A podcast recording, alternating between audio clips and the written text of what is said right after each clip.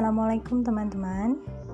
Kali ini saya akan menyampaikan materi tentang kehati-hatian dalam transaksi jual beli online.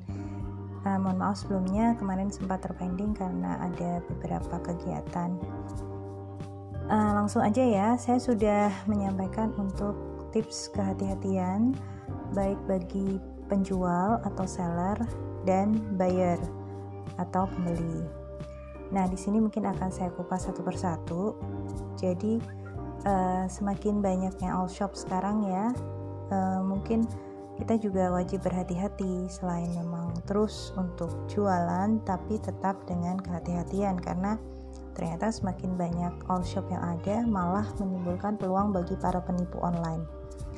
Nah, yang pertama yaitu tips hati-hati untuk penjual ya. Jadi kita sebagai seller yang pertama, untuk transaksi jual beli online kan biasanya menggunakan rekening ya, rekening bank. Nah, untuk teman-teman yang punya rekening bank, tolong uh, dilengkapi dengan e-banking. Karena apa? Di dalam e-banking itu kita bisa cek mutasi rekening, cek saldo. Jadi setiap ada transaksi yang masuk, uh, misalnya pembeli membayar melalui transfer, kita bisa langsung cek transaksi yang masuk lewat e-banking ya.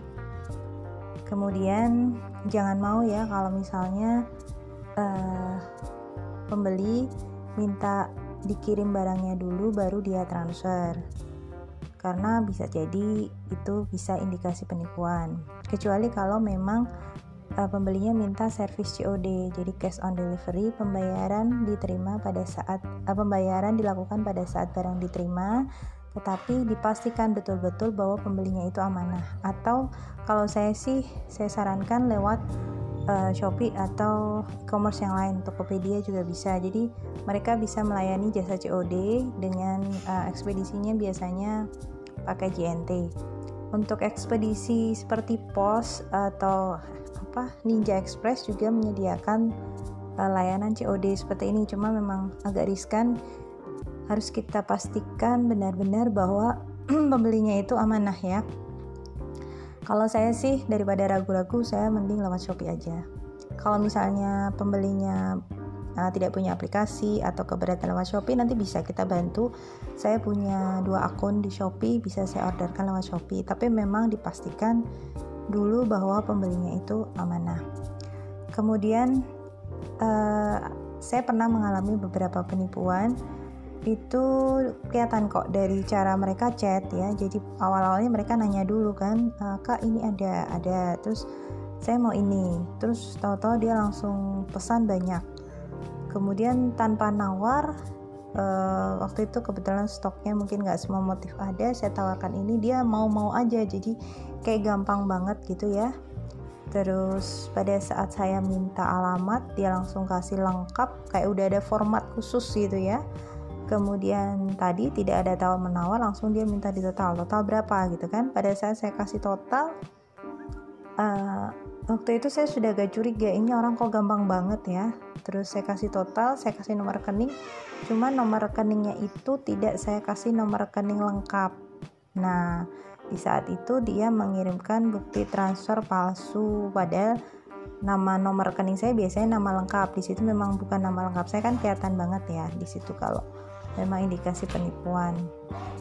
Kemudian pada saat dia transfer itu selain bukti rekan apa bukti transfer palsu juga biasanya diajak untuk ke ATM atau memasukkan nomor kode-kode tertentu. Katanya yang akunya udah ditransfer tapi ternyata belum dan harus memasukkan nomor-nomor uh, kode-kode tertentu. Nah itu jangan mau itu jelas-jelas penipuan uh, mungkin itu yang untuk tips de, uh, ke, apa bagi penjualnya. Nanti kalau misalnya ada sharing dari teman-teman atau tambahan bisa ya langsung disampaikan. Kemudian yang kedua adalah tips hati-hati bagi pembeli atau buyer ya. Jadi kita misalnya belanja online kita sebagai pembeli. Itu yang pertama kita harus ini ya harus tahu ya harga-harga barang itu harga pasarnya berapa. Ada yang uh, harganya mungkin jauh di bawah standar di bawah harga pasar terlalu murah tidak wajar itu bisa indikasi penipuan juga. Kayak waktu rame-ramenya jual masker itu ya. Itu kan masker memang mahal waktu awal-awal corona. Nah saya ada lihat tawaran murah.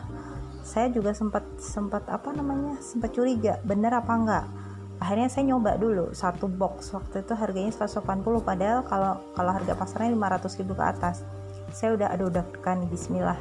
Dan ternyata memang saya transfer barang tidak dikirim nah berarti ya memanglah terbukti kalau yang jual di, jauh di bawah harga pasar harga tidak wajar ya kita wajib hati-hati. Kemudian pada saat kita mau order kita juga lihat dulu profil penjualnya ya. Uh, ini benar-benar nggak jadi misalnya di status FB dia kita lihat uh, scrolling aja di postingan dia gimana uh, apa namanya dia backgroundnya seperti apa. Kemudian kalau di e-commerce sih gampang banget. Kita lihat review-review dari pembeli lain. Jadi misalnya pembelinya ngasih bintang 5 ngasih ulasan yang positif itu berarti insya Allah tokonya lebih amanah dan meyakinkan. Kemudian yang ketiga uh, kalau dia sudah totalin semua belanjaan kita kemudian memberikan nomor rekening ya kita bisa juga kok cek di aplikasi cek rekening.id ya. Itu adalah untuk aplikasi uh, maaf itu web untuk ngecek rekening itu indikasi penipuan atau bukan. Misalnya rekening si A itu sudah terindikasi penipuan dan ada yang melapor itu nanti ada laporannya di cekrekening.id kemudian nah ini untuk keamanan ya. Kalau masih ragu-ragu belum pernah order sama sekali lebih lebih nyaman lebih aman itu belanja memang lewat e-commerce ya. Karena di situ kalau misalnya barang belum sampai ke kita atau tidak sesuai dengan yang kita order kan bisa kita komplain ke e-commerce-nya nanti pembayaran bisa dipending untuk ke penjualnya. Oke mungkin itu yang bisa saya sampaikan hari ini. Mohon maaf kalau ada kekurangan nanti bisa kita diskusikan lagi ya. Terima kasih. Wassalamualaikum warahmatullahi wabarakatuh